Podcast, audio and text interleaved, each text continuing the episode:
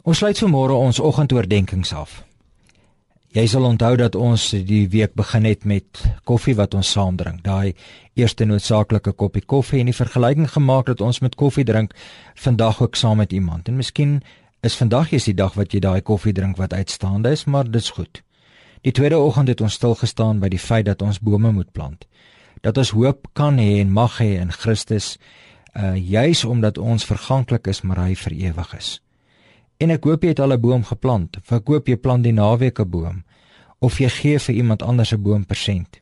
Gisteroggend het ons stil gestaan by 'n lamp by 'n ligtoring en en ons het gesê 'n ligtoring is juist die die plek wat lig wys vir uh skepe in 'n donker aand en dat ons uh, mense moet help dat ons ligte moet en kan wees. Vanmôre wil ek stil staan by kom ons gee vir iemand brood. Jy sal verstom wees as jy na die broodtekste kyk. Daar's soveel tekste wat praat van kom eet brood, 'n uh, brood wat gegee word, die brood van die ewige lewe. In Matteus 25 vers 34 dan sal die koning vir die aan sy regterhand sê kom julle wat deur my Vader geseën is. Die koninkryk is van die skepping van die wêreld af vir julle voorberei. Neem dit as erfenis in besit, want ek was honger en julle het my iets gegee om te eet. Nou daardie iets is maar brood as ek dink aan die nagmaalstafel waar daar brood gegee word. Dalk vandag is daar iemand wat brood brood nodig het.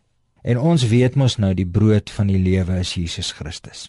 Maar dalk is daar iemand wat vandag letterlik brood nodig het om te eet.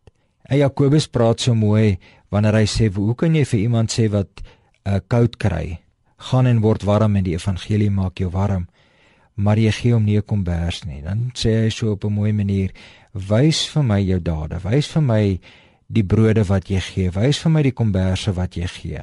Want jy's daarin kan ons jou evangelie kan ons dit sien dat dit vir jou 'n werklikheid is. Ek daag jou uit om vandag brood te gee. Miskien gaan jy letterlik by die kafee stop of letterlik by jou kafeteria in jou werksplek.